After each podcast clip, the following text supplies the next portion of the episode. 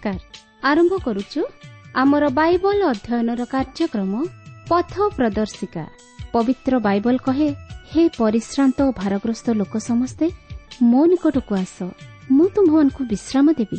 ଆସନ୍ତୁ ସେହି ଜୀବନଦାତାଙ୍କର ପରିଚୟ ପାଇ ଜୀବନରେ ବାସ୍ତବ ଶାନ୍ତି ଓ ମୁକ୍ତି ପାଇବା ନିମନ୍ତେ ଶୁଣିବା ବେତାର କାର୍ଯ୍ୟକ୍ରମ ପଥ ପ୍ରଦର୍ଶିକା।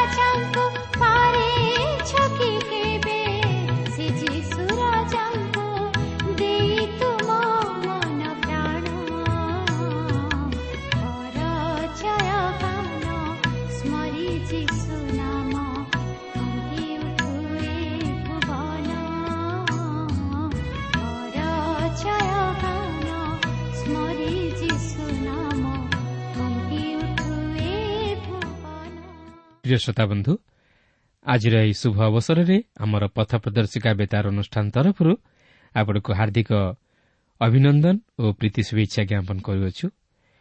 ଆପଣଙ୍କର ହୃଦୟସ୍ପର୍ଶୀ ସାକ୍ଷୀ ନିମନ୍ତେ ବିଶେଷ ଧନ୍ୟବାଦ। ଆପଣ ଏହି କାର୍ଯ୍ୟକ୍ରମରେ ଜଣେ ନିୟମିତ ଶ୍ରୋତା ଜାଣିବା ବିଶେଷ ଖୁସି କେବଳ ସେତିକି ନୁହେଁ ପ୍ରଭୁ ଯୀଶୁଙ୍କ ବିଷୟରେ ଅଧିକ ଜାଣିବା ନିମନ୍ତେ ଆପଣଙ୍କର ଆଗ୍ରହକୁ ଦେଖି ମଧ୍ୟ ଆମେ ବିଶେଷ ଆନନ୍ଦିତ। ଆପଣଙ୍କ ନିମନ୍ତେ ପ୍ରାର୍ଥନା କରୁଅଛୁ। ଆଉ ପ୍ରଭୁ ଯୀଶୁ ନିଶ୍ଚିତ ଭାବରେ ଆପଣଙ୍କ ଆତ୍ମିକ ଜୀବନରେ ବର୍ଦ୍ଧିଷ୍ଣୁ କରାଇବେ ଆଉ ସେ ଆପଣଙ୍କର ମନୋବାଞ୍ଛା ପୂର୍ଣ୍ଣ କରିବେ।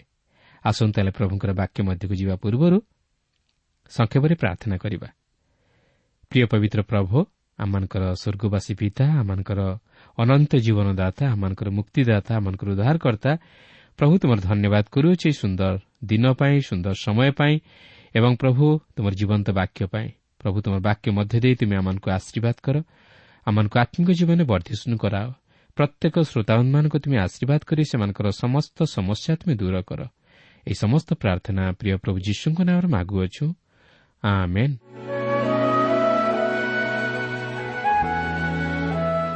ଆସନ୍ତୁ ବର୍ତ୍ତମାନ ଆମେ ପ୍ରଭୁଙ୍କର ବାକ୍ୟ ମଧ୍ୟକୁ ଯିବା। ଆଜି ଆମେ ଦ୍ୱିତୀୟ ବଂଶାବଳୀର ଚବିଶ ପର୍ବଟିକୁ ଅଧ୍ୟୟନ କରିବା ନିମନ୍ତେ ଯିବା। ବର୍ତ୍ତମାନ ଆମେ ଜୟାସଙ୍କ ରାଜତ୍ୱ ପ୍ରତି ଟିକେ ଦୃଷ୍ଟି ଦେବା। ଦେଖନ୍ତୁ ଚବିଶ ପର୍ବର ପ୍ରଥମ ପଦରେ ଏହିପରି ଲେଖା ଅଛି ଜୟାସ୍ ରାଜ୍ୟ କରିବାକୁ ଆରମ୍ଭ କରିବା ସମୟରେ ସାତ ବର୍ଷ ବୟସ୍କ ହୋଇଥିଲେ ଆଉ ସେ ଜିରୁସାଲାମରେ ଚାଳିଶ ବର୍ଷ ରାଜ୍ୟ କଲେ। ତାଙ୍କର ମାତାଙ୍କ ନାମ ସିବିୟା ସେ ବେରସେବା ନିବାସିନୀ ଥିଲେ। ଜିହୋୟାଦା ଯାଜକ ହେଉଛନ୍ତି ଜଣେ ଯେ କି ଜୟାସଙ୍କ ରାଜତ୍ୱର ପ୍ରାରମ୍ଭରେ ତାହାଙ୍କୁ ସାହାଯ୍ୟ କରିଥିଲେ ଓ ତାହାଙ୍କର ଅଭିଭାବକ ସ୍ୱରୂପ ଥିଲେ। କିନ୍ତୁ ସେ ଯାହା ହେଉନା କାହିଁକି? ତାହାଙ୍କର ମାତାଙ୍କ ନାମ ଏଠାରେ ଉଲ୍ଲେଖ ହୋଇଅଛି। ବୋଧହୁଏ ତାହାଙ୍କ ମାତା ଅତି ଉତ୍ତମ ମାତା ଥିଲେ। ଓ ଈଶ୍ୱରଙ୍କ ନିକଟକୁ ଫେରିବା ନିମନ୍ତେ ମଧ୍ୟ ନିଜର ସମ୍ମତି ପ୍ରଦାନ କରିଥିଲେ। ତାଙ୍କର ଗୃହ ବେର୍ସବାରେ ଥିଲା ଯାହାକି ଅବ୍ରାହମଙ୍କର ଏକ ନଗର ଥିଲା। ଏହାପରେ ଚବିଶ ପର୍ବର ଦୁଇ ଓ ତିନି ପଦରେ ଲେଖା ଅଛି ପୁଣି ଜିହୟାଦା ଯାଜକର ଜୀବନ ଯାଏଁ ଜୟାସ୍ ସଦାପ୍ରଭୁଙ୍କ ଦୃଷ୍ଟିରେ ଯଥାର୍ଥ କର୍ମ କଲେ। ଜିହୟାଦା ତାଙ୍କୁ ଦୁଇ କନ୍ୟା ବିବାହ କରାଇଲା ଓ ତାଙ୍କର ପୁତ୍ର କନ୍ୟା ଜାତ ହେଲେ। ଦେଖନ୍ତୁ ଜିହୟାଦାଙ୍କ ଶିକ୍ଷା ଓ ପରାମର୍ଶ ଅନୁଯାୟୀ ଜୟାସ୍ ମଧ୍ୟ ଜିହୟାଦାଙ୍କ ଦୃଷ୍ଟିରେ ଯଥାର୍ଥ କର୍ମ କଲେ। କିନ୍ତୁ ଦୁଃଖର ବିଷୟ ଯେ ସେ ନିଜ ନିମନ୍ତେ ଦୁଇଟି ସ୍ତ୍ରୀଙ୍କୁ ଗ୍ରହଣ କଲେ। ପ୍ରକୃତରେ ସେ ଯେତେବେଳେ ସାତ ବର୍ଷର ହୋଇଥିଲେ ସେତେବେଳେ ଏହିପରି ଘଟଣା ଘଟିନଥିଲା ଆପଣ ଜାଣିଥିବେ ଯେ ସେ ଚାଳିଶ ବର୍ଷ ରାଜତ୍ୱ କରିଥିଲେ। ତେବେ ଏଠାରେ ପ୍ରଶ୍ନ ଆସେ ଯେ ଦୁଇଟି ସ୍ତ୍ରୀ ବିବାହ କରିବା ବା ରଖିବା କ'ଣ ଠିକ୍? ନୁହେଁ ଏପରି କରିବା ଭୁଲ। ଏହା ଉଲ୍ଲେଖ ହୋଇଅଛି ବୋଲି ଆପଣ ଭାବନ୍ତୁ ନାହିଁ ଯେ ଈଶ୍ୱର ଏହାକୁ ଅନୁମୋଦନ କରନ୍ତି ମାତ୍ର ଏହା ଲେଖାଯାଇଅଛି ଯେହେତୁ ଜୟାସ୍ ଏହିପରି କାର୍ଯ୍ୟ କଲେ। ସେହି ସମୟର ପୃଷ୍ଠଭୂମିକୁ ଦୃଷ୍ଟି ଆଗରେ ରଖି ଚିନ୍ତା କଲେ ଦୁଇଟି ସ୍ତ୍ରୀ ରଖିବା ପ୍ରକୃତରେ ଅଳ୍ପ ସଂଖ୍ୟା ଥିଲା। ବିଶେଷରେ ଜଣେ ରାଜାଙ୍କ ପକ୍ଷେ ଦୁଇଟି ସ୍ତ୍ରୀ ରଖିବା ମଧ୍ୟ କିଛି ନଥିଲା ମାତ୍ର ଈଶ୍ୱରଙ୍କ ଦୃଷ୍ଟିରେ ଏହା ଯଥାର୍ଥ ନଥିଲା। ଚବିଶ ପର୍ବର ଚାରିପଦରେ ଲେଖା ଅଛି ଏଥି ଉତ୍ତାରେ ସଦାପ୍ରଭୁଙ୍କ ଗୃହର ଜୀର୍ଣ୍ଣ ସଂସ୍କାର କରିବାକୁ ଜୟାସଙ୍କର ମନ ହେଲା। ଯେତେବେଳେ ଜୟାସ ବୃଦ୍ଧି ପାଇବାକୁ ଲାଗିଲେ ସେହି ସମୟରେ ଜିହୟାଦା ବାର୍ଦ୍ଧକ୍ୟ ହେବାକୁ ଲାଗିଲେ। ମୃତ୍ୟୁ ସମୟକୁ ତାହାଙ୍କୁ ଶହେ ତିରିଶ ବର୍ଷ ବୟସ ହୋଇଥିଲା। ପରେ ପରେ ସେ ଯାଜକମାନଙ୍କୁ ଆଉ ନିଜର ଆୟତାଧୀନରେ ରଖିପାରିଲେ ନାହିଁ ଓ ମନ୍ଦିର ସୁରକ୍ଷିତ ହୋଇ ରହିପାରିଲା ନାହିଁ। ଜୟାଶଙ୍କର ଆତ୍ମିକ ଜାଗରଣ ଆଣିବାରେ ନେତୃତ୍ୱ ଦେବାର ବିଷୟ ଯଦିଓ ପ୍ରଶ୍ନବାଚୀ ତଥାପି ତାହାଙ୍କ ସମୟରେ ଆତ୍ମିକ ଜାଗରଣ ଦେଖାଦେଇଥିଲା ମାତ୍ର ସେତେ ଦୂର ନୁହେଁ।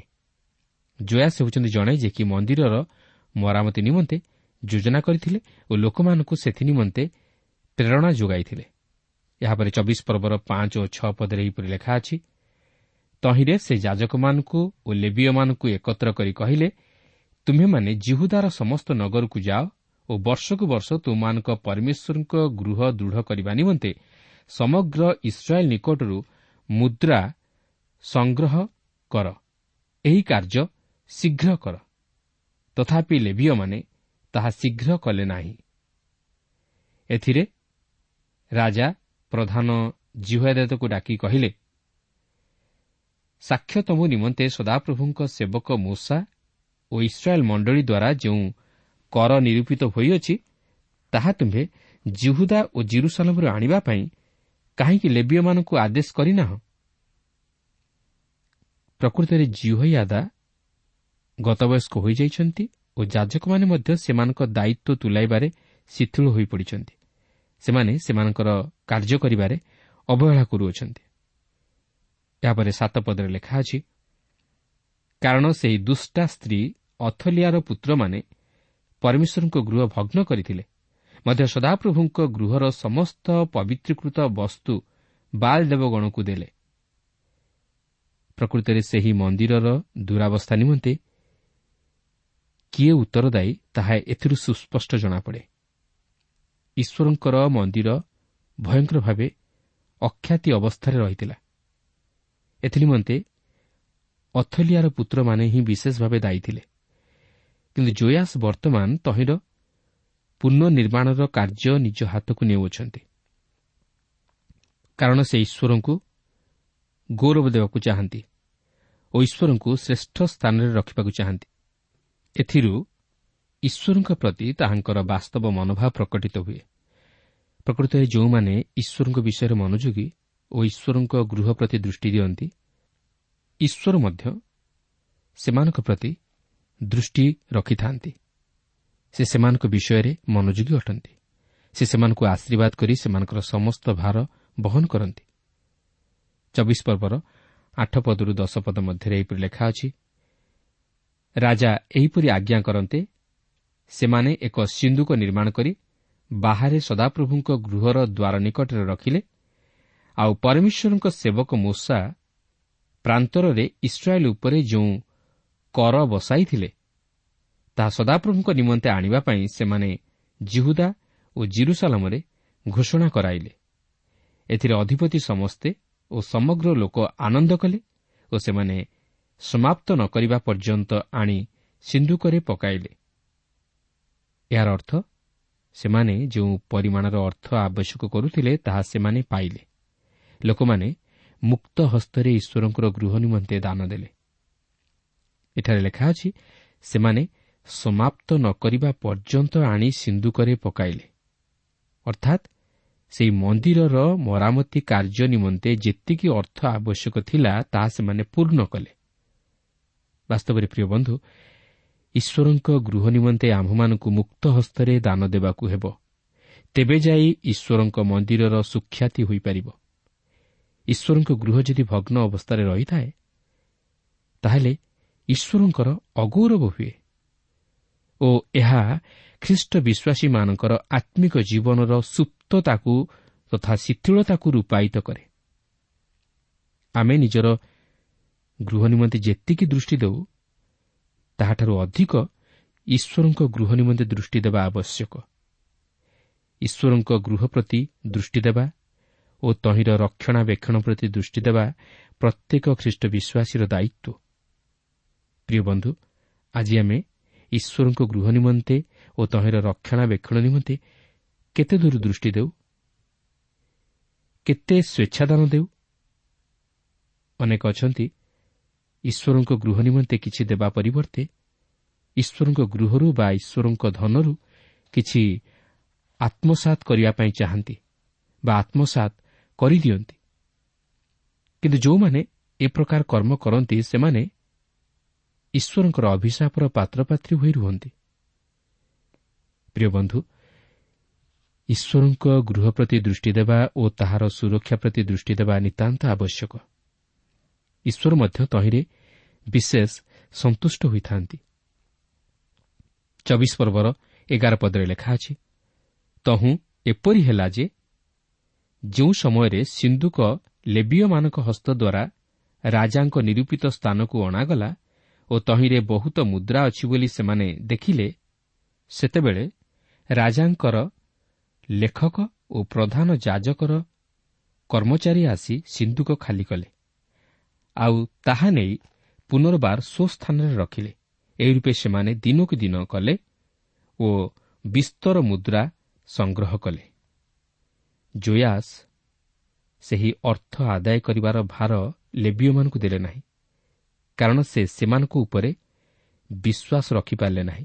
ତେଣୁକରି ସେ ସଦାପ୍ରଭୁଙ୍କ ଗୃହର ଦ୍ୱାର ନିକଟରେ ଏକ ସିନ୍ଧୁକ ନିର୍ମାଣ କରି ରଖିଲେ ଓ ତାହାକୁ ମଧ୍ୟ ରାଜାଙ୍କ ନିରୂପିତ ସ୍ଥାନକୁ ଅଣାଯାଇ ରାଜାଙ୍କର ଲେଖକ ଓ ପ୍ରଧାନ ଯାଜକର କର୍ମଚାରୀମାନଙ୍କ ଦ୍ୱାରା ଖାଲି କରାଯାଇଥିଲା ଓ ଲୋକମାନେ ସେହି ସିନ୍ଧୁକରେ ଦାନ ପକାଉଥିଲେ। ଆଜି ମଧ୍ୟ ସେହିପରି ଅନେକ ସଂସ୍ଥା ଓ ମଣ୍ଡଳୀ ଈଶ୍ୱରଙ୍କ ରାଜ୍ୟର ଅଭିବୃଦ୍ଧି ନିମନ୍ତେ ଏହିପରି ଦାନ ସଂଗ୍ରହର ବ୍ୟବସ୍ଥା କରିଥାନ୍ତି ବା କରୁଛନ୍ତି ଓ ଲୋକମାନଙ୍କଠାରୁ ଆର୍ଥିକ ସାହାଯ୍ୟ ସଂଗ୍ରହ କରୁଅଛନ୍ତି। କିନ୍ତୁ ଘଟଣା ହେଉଛି ଏହାକୁ କେତେ ଦୂର ବିଶ୍ୱସ୍ତ ଭାବେ ଆମମାନେ ବ୍ୟବହାର କରୁଅଛୁ ତାହା ହେଉଛି ଗୁରୁତ୍ୱପୂର୍ଣ୍ଣ ପ୍ରଶ୍ନ। ଚବିଶ ପର୍ବର ବାର ଓ ତେର ପଦରେ ଏହିପରି ଲେଖା ଅଛି ଆଉ ରାଜା ଓ ଜିହୋୟାଦା ସଦାପ୍ରଭୁଙ୍କ ଗୃହର ସେବାର୍ଥକ କର୍ମକାରୀମାନଙ୍କୁ ତାହା ଦେଲେ। ତହିଁରେ ସେମାନେ ସଦାପ୍ରଭୁଙ୍କ ଗୃହର ଜୀର୍ଣ୍ଣ ସଂସ୍କାର ନିମନ୍ତେ ରାଜମିସ୍ତ୍ରୀ ଓ ସୂତ୍ରଧରମାନଙ୍କୁ ମଧ୍ୟ ସଦାପ୍ରଭୁଙ୍କ ଗୃହ ଦୃଢ଼ କରିବା ନିମନ୍ତେ ଲୌହ ଓ ପିତ୍ତଳ କର୍ମକାରୀମାନଙ୍କୁ ବେତନ ଦେଇ ନିଯୁକ୍ତ କଲେ। ଏହି ରୂପେ କର୍ମକାରୀମାନେ କାର୍ଯ୍ୟ କଲେ ଓ ସେମାନଙ୍କ ଦ୍ୱାରା କାର୍ଯ୍ୟ ସିଦ୍ଧ ହେଲା ଆଉ ସେମାନେ ପରମେଶ୍ୱରଙ୍କ ଗୃହ ପୂର୍ବାବସ୍ଥାରେ ସ୍ଥାପନ କରି ତାହା ଦୃଢ଼ କଲେ। ଦେଖନ୍ତୁ ଏହି ପ୍ରକାରେ ମନ୍ଦିରର ମରାମତି କାର୍ଯ୍ୟ ସମ୍ପନ୍ନ ହେଲା। ଜୁୟାଶଙ୍କର ଯୋଜନା କାର୍ଯ୍ୟକାରୀ ହେଲା। ସେହି ଅର୍ଥ ମଧ୍ୟ ଈଶ୍ୱରଙ୍କର କାର୍ଯ୍ୟ ନିମନ୍ତେ ବ୍ୟବହୃତ ହେଲା। ମାତ୍ର ତାହା ଅପବ୍ୟୟ ହେଲା ନାହିଁ। ଯେଉଁ ଉଦ୍ଦେଶ୍ୟ ନେଇ ସେହି ସମସ୍ତ ଅର୍ଥ ସଂଗ୍ରହ କରାଯାଇଥିଲା ତାହା ଫଳପ୍ରଦ ହେଲା। ଚବିଶ ପର୍ବର ଚଉଦ ପଦରେ ଏହିପରି ଲେଖା ଅଛି ପୁଣି ସେମାନେ କାର୍ଯ୍ୟ ସମାପ୍ତ କରନ୍ତେ ରାଜାଙ୍କର ଓ ଜିହୋ ଆଦାର ସମ୍ମୁଖକୁ ଅବଶିଷ୍ଟ ମୁଦ୍ରା ଆଣିଲେ ତଦ୍ୱାରା ସଦାପ୍ରଭୁଙ୍କ ଗୃହ ନିମନ୍ତେ ନାନା ପାତ୍ର ଅର୍ଥାତ୍ ପରିଚର୍ଯ୍ୟାର୍ଥକ ଓ ବଳିଦାନାର୍ଥକ ପାତ୍ର ପୁଣି ଚମସ ଓ ସ୍ୱର୍ଣ୍ଣମୟ ଓ ରୌପ୍ୟମୟ ପାତ୍ର ନିର୍ମାଣ କରାଗଲା। ଆଉ ସେମାନେ ଜିହୋ ଆଦାର ଜୀବନ ଯାଏଁ ସଦାପ୍ରଭୁଙ୍କ ଗୃହରେ ନିତ୍ୟ ହୋମବଳି ଉତ୍ସର୍ଗ କଲେ। ମନ୍ଦିରର ପାତ୍ର ସକଳକୁ ପୁନର୍ନିର୍ମାଣ କରି ସେହିସବୁକୁ ଈଶ୍ୱରଙ୍କର ସେବା ଉଦ୍ଦେଶ୍ୟରେ ବ୍ୟବହାର କରିବା ନିମନ୍ତେ ସେମାନଙ୍କ ନିକଟରେ ପ୍ରଚୁର ଅର୍ଥ ମଧ୍ୟ ଥିଲା। ପନ୍ଦର ପଦରେ ଲେଖା ଅଛି ମାତ୍ର ଜିହୟାଦା ବୃଦ୍ଧ ଓ ପୂର୍ଣ୍ଣାୟୁ ହୋଇ ମଲା। ମରଣ ସମୟରେ ତାହାର ବୟସ ଏକଶହ ତିରିଶ ବର୍ଷ ହୋଇଥିଲା। ଏଥିରୁ ଜଣାଯାଏ ଯେ ଯାଜକମାନେ କାହିଁକି ସେମାନଙ୍କର କାର୍ଯ୍ୟ ସମ୍ପାଦନ କରିବାରେ ଅବହେଳା ପ୍ରଦର୍ଶନ କରୁଥିଲେ। ଜୁହୟାଦା ସମ୍ଭବତଃ ଗତବୟସ୍କ ହୋଇଥିଲେ। ସେ ମଧ୍ୟ ଜୟାସଙ୍କୁ ଏହିପରି ସ୍ତରରେ ଆଣି ପହଞ୍ଚାଇବାରେ ଅନେକ ଅନୁଭୂତି ଲାଭ କରିଥିଲେ। ରାଜାଙ୍କ ସହିତ ତାହାଙ୍କର ଯେଉଁପରି ସ୍ୱାଧୀନତା ଥିଲା ଅନ୍ୟ କୌଣସି ଲୋକର ସେପରି ସ୍ୱାଧୀନତା ନଥିଲା। ଷୋହଳ ପଦରେ ଲେଖା ଅଛି ପୁଣି ଲୋକମାନେ ଦାଉଦ ନଗରରେ ରାଜାମାନଙ୍କ ମଧ୍ୟରେ ତାହାକୁ କବର ଦେଲେ କାରଣ ସେ ଇସ୍ରାଏଲ୍ ମଧ୍ୟରେ ଆଉ ପରମେଶ୍ୱର ଓ ତାହାଙ୍କ ଗୃହ ବିଷୟରେ ଉତ୍ତମ କର୍ମ କରିଥିଲା। ପ୍ରକୃତରେ ଦେଖିବାକୁ ଗଲେ ଜିହୟାଦା ତାହାଙ୍କର ମୃତ୍ୟୁ ସମୟରେ ରାଜକୀୟ ସମ୍ମାନରେ ସମ୍ମାନିତ ହୋଇଥିଲେ। ତାହାଙ୍କର କାର୍ଯ୍ୟ ଲାଗି ସେ ସେହିପରି ସମ୍ମାନରେ ସମ୍ମାନିତ ହୋଇଥିଲେ ଓ ସେହି ସମ୍ମାନର ଅଧିକାରୀ ହୋଇଥିଲେ। ବାସ୍ତବରେ ମନୁଷ୍ୟ ତାହାର ଉତ୍ତମ କାର୍ଯ୍ୟ ନିମନ୍ତେ କେବଳ ତାହାର ଜୀବଦଶାରେ ନୁହେଁ ମାତ୍ର ମରଣରେ ମଧ୍ୟ ସେ ଅଧିକ ସମ୍ମାନର ଅଧିକାରୀ ହୋଇଥାଏ। ସେ ଅମର ହୋଇ ରହିଥାଏ। କିନ୍ତୁ ଆଜି ଆମମାନଙ୍କର କାର୍ଯ୍ୟ କି ପ୍ରକାର? ବର୍ତ୍ତମାନ ଜିହୟାଦଙ୍କ ମୃତ୍ୟୁ ପରେ ଆପଣ ଏକ ପରିବର୍ତ୍ତନ ଲକ୍ଷ୍ୟ କରିବେ ଯେ ଲୋକମାନେ ପୁନର୍ବାର ଇସ୍ରାଏଲ୍ର ଈଶ୍ୱରଙ୍କୁ ପରିତ୍ୟାଗ କରି ତାହାଙ୍କଠାରୁ ବିମୁଖ ହୋଇ ପଥଭ୍ରଷ୍ଟ ହେଲେ। ଦେଖନ୍ତୁ ଚବିଶ ପର୍ବର ସତର ଓ ଅଠର ପଦରେ ଏହିପରି ଲେଖା ଅଛି। ଜିହୋୟାଦାର ମରଣ ଉତ୍ତାରେ ଜିହୋଦାର ଅଧିପତିମାନେ ଆସି ରାଜାଙ୍କୁ ପ୍ରଣାମ କଲେ ତେଣୁ ରାଜା ସେମାନଙ୍କ କଥାରେ ମନୋଯୋଗ କଲେ। ଏଉତାରେ ସେମାନେ ସଦାପ୍ରଭୁ ଆପଣମାନଙ୍କ ପିତୃଗଣର ପରମେଶ୍ୱରଙ୍କ ଗୃହ ପରିତ୍ୟାଗ କରି ଆଶାରା ମୂର୍ତ୍ତି ଓ ପ୍ରତିମାଗଣର ସେବା କଲେ। ତହିଁରେ ସେମାନଙ୍କର ଏହି ଅପରାଧ ସକାଶୁ ଜିହୁଦା ଓ ଜିରୁସାଲମ ଉପରେ କୋପ ଉପସ୍ଥିତ ହେଲା। ଦେଖନ୍ତୁ ଜିହୋୟାଦା ଯେପର୍ଯ୍ୟନ୍ତ ଜୀବିତ ଥିଲେ ସେ ପର୍ଯ୍ୟନ୍ତ ଜିହୁଦାର ଅଧିପତିମାନେ ପ୍ରତିମା ପୂଜାକୁ ଫେରିଯିବା ନିମନ୍ତେ ସାହସ କରୁନଥିଲେ। ଜିହୋୟାଦା ଅତି ଦୃଢ଼ ଭାବରେ ତାହାଙ୍କର ପ୍ରଭାବ ବିସ୍ତାର କରିଥିଲେ। ଜୋୟାସ ଜଣେ ଯୁବକ ରାଜା ଥିଲେ ଓ ସମ୍ଭବତଃ ସେ ଅତି କୋମଳ ସ୍ୱଭାବ ବିଶିଷ୍ଟ ଥିଲେ। ଆଉ ଏହି ଅଧିପତିମାନେ ତାହାଙ୍କ ନିକଟରେ ଆସି ଶପଥ କଲେ ମାତ୍ର ସେମାନେ ବାହାରି ଯାଇ ପୁନର୍ବାର ପ୍ରତିମା ପୂଜାରେ ଆସକ୍ତ ହେଲେ ଓ ପ୍ରତିମା ପୂଜା କରିବାକୁ ଆରମ୍ଭ କଲେ ଯଦ୍ୱାରା ଜିରୁସାଲମ ଉପରେ ଈଶ୍ୱରଙ୍କର କୋପ ଉପସ୍ଥିତ ହେଲା। ଚବିଶ ପର୍ବର ଉଣେଇଶ ପଦରେ ଲେଖା ଅଛି। ତଥାପି ସଦାପ୍ରଭୁଙ୍କ ନିକଟକୁ ପୁନର୍ବାର ସେମାନଙ୍କୁ ଆଣିବା ପାଇଁ ସେ ଭବିଷ୍ୟତ ବକ୍ତାମାନଙ୍କୁ ପଠାଇଲେ। ତହିଁରେ ସେମାନେ ସେମାନଙ୍କ ପ୍ରତିକୂଳରେ ସାକ୍ଷ୍ୟ ଦେଲେ। ମାତ୍ର ସେମାନେ କର୍ଣ୍ଣ ଦେବାକୁ ସମ୍ମତ ନୁହିଲେ। ଈଶ୍ୱର ତାହାଙ୍କର ଅନୁଗ୍ରହରେ ସେମାନଙ୍କ ନିକଟକୁ ଭବିଷ୍ୟତ ବକ୍ତାମାନଙ୍କୁ ପଠାଇ ସେମାନଙ୍କୁ ସତର୍କବାଣୀ ପ୍ରଦାନ କଲେ। ମାତ୍ର ସେମାନେ ଶୁଣିଲେ ନାହିଁ। ତେଣୁକରି ଈଶ୍ୱର ଜୁହେଆଦାଙ୍କ ପୁତ୍ରଙ୍କ ଦ୍ୱାରା ସେମାନଙ୍କ ନିକଟକୁ ଏକ ସମ୍ବାଦ ପ୍ରେରଣ କଲେ। ଚବିଶ ପର୍ବର କୋଡ଼ିଏ ପଦରେ ଲେଖା ଅଛି ଏଉତାରେ ପରମେଶ୍ୱରଙ୍କ ଆତ୍ମା ଜିହୋୟାଦା ଯାଜକର ପୁତ୍ର ଜିଖରୀୟ ଉପରେ ଅଧିଷ୍ଠାନ କଲେ। ତହିଁରେ ସେ ଲୋକମାନଙ୍କ ମଧ୍ୟରେ ଉଚ୍ଚ ସ୍ଥାନରେ ଠିଆ ହୋଇ ସେମାନଙ୍କୁ କହିଲେ ପରମେଶ୍ୱର ଏହି କଥା କହନ୍ତି ତୁମେମାନେ କିହେତୁ ସଦାପ୍ରଭୁଙ୍କ ଆଜ୍ଞା ସବୁ ଲଙ୍ଘନ କରୁଅଛ? ଏଥିରେ କୃତକାର୍ଯ୍ୟ ନୁହିବ। ତୁମେମାନେ ସଦାପ୍ରଭୁଙ୍କୁ ପରିତ୍ୟାଗ କରିବାରୁ ସେ ମଧ୍ୟ ତୁମମାନଙ୍କୁ ପରିତ୍ୟାଗ କରିଅଛନ୍ତି। ଈଶ୍ୱର ଜିହୟାଦାଙ୍କ ପୁତ୍ର ଜିଖରୀଙ୍କ ଦ୍ୱାରା ଲୋକମାନଙ୍କୁ ତାହାଙ୍କର ମନର ଭାବ ପ୍ରକାଶ କରିଦେଲେ। ଆଉ ବର୍ତ୍ତମାନ ଲକ୍ଷ୍ୟ କରନ୍ତୁ ଘଟଣାଟି କେଉଁପରି ମୋଡ଼ ନେବାକୁ ଯାଉଅଛି। ଚବିଶ ପର୍ବର ଏକୋଇଶ ପଦରେ ଏହିପରି ଲେଖା ଅଛି। ତହିଁରେ ସେମାନେ ତାହା ବିରୁଦ୍ଧରେ ଚକ୍ରାନ୍ତ କଲେ ଓ ରାଜାଜ୍ଞାରେ ସଦାପ୍ରଭୁଙ୍କ ଗୃହର ପ୍ରାଙ୍ଗଣରେ ତାହାକୁ ପ୍ରସ୍ତରାଘାତ କଲେ। ମୋର ଚିନ୍ତାଧାରାରେ ଜୟାସ ବୋଧହୁଏ ଏହି ବ୍ୟକ୍ତି ବିଷୟରେ କିଛି ଭୁଲ ସମ୍ବାଦ ପାଇଥିବେ। ତା ନହେଲେ ସେ ଏହିପରି ଆଦେଶ ଦେଇନଥାନ୍ତେ ତାଛଡ଼ା ଏହି ବ୍ୟକ୍ତି ଜିହୟାଦଙ୍କ ପୁତ୍ର ଥିଲେ। କିନ୍ତୁ ଏହା ସେହି ଅଧିପତିମାନଙ୍କର ଦୁଷ୍ଟତାର କାର୍ଯ୍ୟକୁ ଓ ମନ୍ଦ କର୍ମର ପ୍ରଭାବକୁ ଉପସ୍ଥାପିତ କରେ। ବାସ୍ତବରେ ସେମାନେ କେତେ ତଳକୁ ଖସିଯାଇଥିଲେ ଓ ସେମାନଙ୍କର କାର୍ଯ୍ୟକଳାପ କେତେଦୂର ଜଘନ୍ୟ ଥିଲା। ସେମାନେ ତାହାଙ୍କୁ ମାରିଦେଲେ। ଚବିଶ ପର୍ବର ବାଇଶ ପଦରେ ଏହିପରି ଲେଖା ଅଛି ଏହି ରୂପେ ତାହାର ପିତା ଜିହୟାଦା ଜୟାସ ରାଜାଙ୍କ ପ୍ରତି ଯେଉଁ ଯେଉଁ ଦୟା ପ୍ରକାଶ କରିଥିଲା ତାହା ସ୍ମରଣ ନ କରି ସେ ତାହାର ପୁତ୍ରକୁ ବଧ କଲେ। ପୁଣି ସେ ମରଣ କାଳରେ କହିଲା ସଦାପ୍ରଭୁ ଏଥିପ୍ରତି ଦୃଷ୍ଟିପାତ କରନ୍ତୁ ଓ ତହିଁର ପରିଶୋଧ ନେଉନ୍ତୁ। ଅନ୍ୟ ଅର୍ଥରେ କହିବାକୁ ଗଲେ ଏହି ମୃତ ବ୍ୟକ୍ତି ଜଣକ ଈଶ୍ୱରଙ୍କ ନିକଟରେ ପ୍ରାର୍ଥନା କଲା ଯେପରି ଈଶ୍ୱର ଏହି କର୍ମ ନିମନ୍ତେ ସେହି ରାଜାଙ୍କଠାରୁ ତହିଁର ପ୍ରତିଶୋଧ ନିଅନ୍ତି। ବର୍ତ୍ତମାନ ଜୟାସଙ୍କ ଉପରେ ଈଶ୍ୱରଙ୍କ ବିଚାର ବର୍ତ୍ତିବାର ଆମେ ଲକ୍ଷ୍ୟ କରିବାକୁ ଯିବା। ଦେଖନ୍ତୁ ଚବିଶ ପର୍ବର ତେଇଶ ଓ ଚବିଶ ପଦରେ ଏପରି ଲେଖା ଅଛି। ଏଥି ଉତ୍ତାରେ ବର୍ଷ ଶେଷରେ ଅରାମ୍ୟ ସୈନ୍ୟ ତାଙ୍କର ପ୍ରତିକୂଳରେ ଆସିଲେ। ପୁଣି ସେମାନେ ଜିହୁଦା ଓ ଜିରୁସାଲାମକୁ ଆସି ଲୋକମାନଙ୍କ ମଧ୍ୟରୁ ସେମାନଙ୍କ ସମସ୍ତ ଅଧିପତିଙ୍କୁ ବିନାଶ କଲେ ଓ ସେମାନଙ୍କଠାରୁ ସକଳ ଲୁଟଦ୍ରବ୍ୟ ନେଇ ଦମେଶକର ରାଜା ନିକଟକୁ ପଠାଇଲେ। ଅରାମ୍ୟ ସୈନ୍ୟ ଅଳ୍ପ ଲୋକଦଳ ନେଇ ଆସିଥିଲେ। ତଥାପି ସଦାପ୍ରଭୁ ସେମାନଙ୍କ ହସ୍ତରେ ମହାସୈନ୍ୟ ଦଳକୁ ସମର୍ପଣ କଲେ। କାରଣ ସେମାନେ ସଦାପ୍ରଭୁ ଆପଣମାନଙ୍କ ପିତୃଗଣର ପରମେଶ୍ୱରଙ୍କୁ ପରିତ୍ୟାଗ କରିଥିଲେ। ଏହି ରୂପେ ସେମାନେ ଜୟାସଙ୍କ ଉପରେ ଦଣ୍ଡାଜ୍ଞା ସଫଳ କଲେ। ଯୁଦ୍ଧରେ ସେମାନଙ୍କୁ ପରାସ୍ତ କରି ଈଶ୍ୱର ସେମାନଙ୍କର ବିଚାର କରନ୍ତି।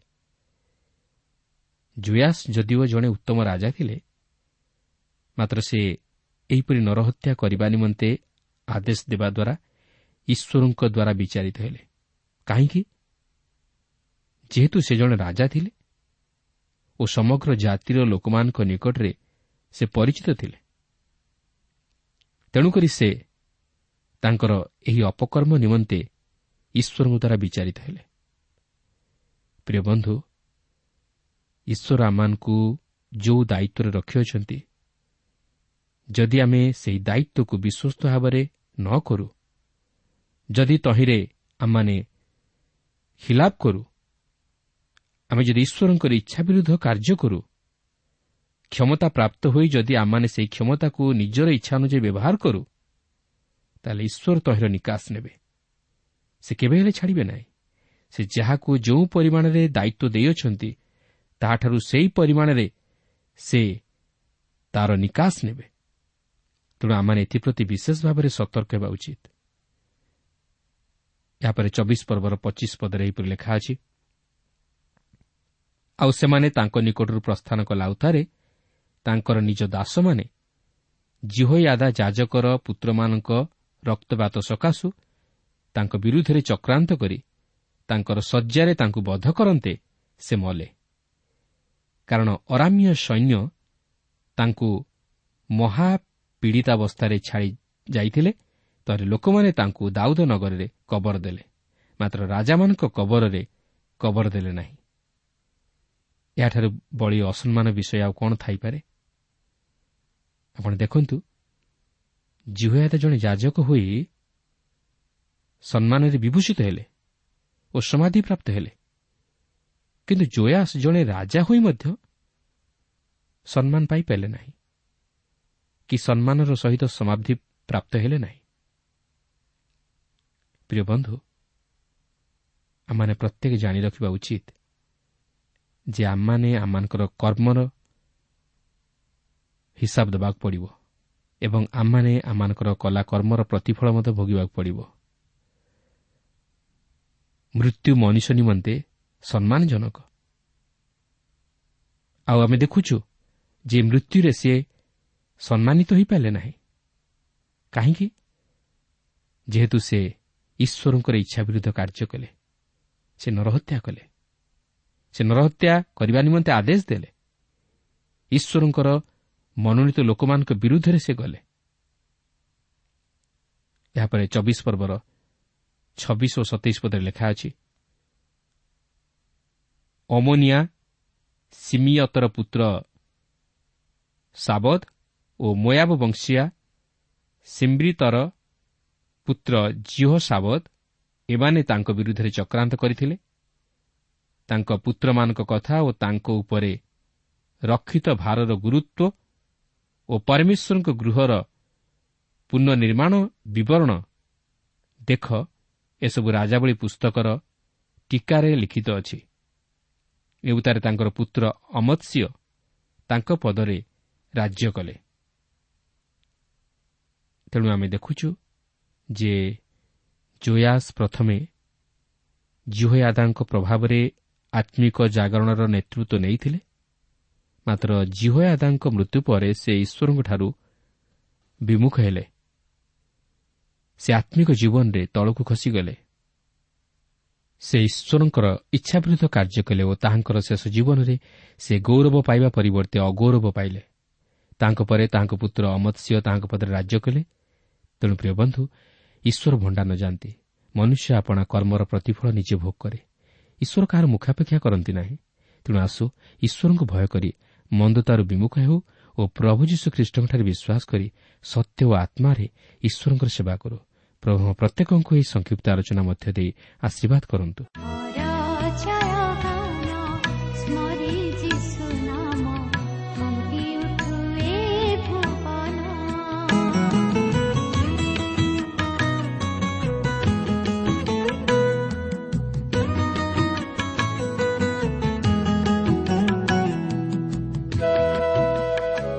ପ୍ରିୟ ଶ୍ରୋତା ଆମର କାର୍ଯ୍ୟକ୍ରମ ନିୟମିତ ଶୁଣୁଥିବାରୁ ଅଶେଷ ଧନ୍ୟବାଦ।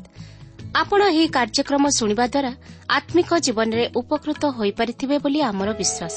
ପ୍ରଭୁ ଯୀଶୁଙ୍କ ବିଷୟରେ ଅଧିକ ଜାଣିବାର ଆଗ୍ରହ ଥିଲେ ଅଥବା ଉପାଦେୟ ପୁସ୍ତକର ଆବଶ୍ୟକ ଥିଲେ ଆମ ସହ ଯୋଗାଯୋଗ କରନ୍ତୁ। ଆମର ଠିକଣା ପଥ ପ୍ରଦର୍ଶିକା Trans World Radio India Post Box number ତିନି ତିନି ଭୁବନେଶ୍ୱର ସାତ ପାଞ୍ଚ ଏକ ଶୂନ ଶୂନ ଏକ। Mobile number nine seven double seven double two one four one five ଠିକଣାଟି ଆଉଥରେ ଶୁଣନ୍ତୁ। ପଥ ପ୍ରଦର୍ଶିକା Trans World Radio India Post Box number three three Bhubaneswar seven five one zero zero one mobile number nine seven double seven double two one four one five ଆମର email ଆଡ୍ରେସ୍ଟି ଲେଖି ରଖନ୍ତୁ Odia T T V at radio eight eight two dot com ତେବେ ଆଜି ପାଇଁ ବିଦାୟ ଦିଅନ୍ତୁ। ନମସ୍କାର।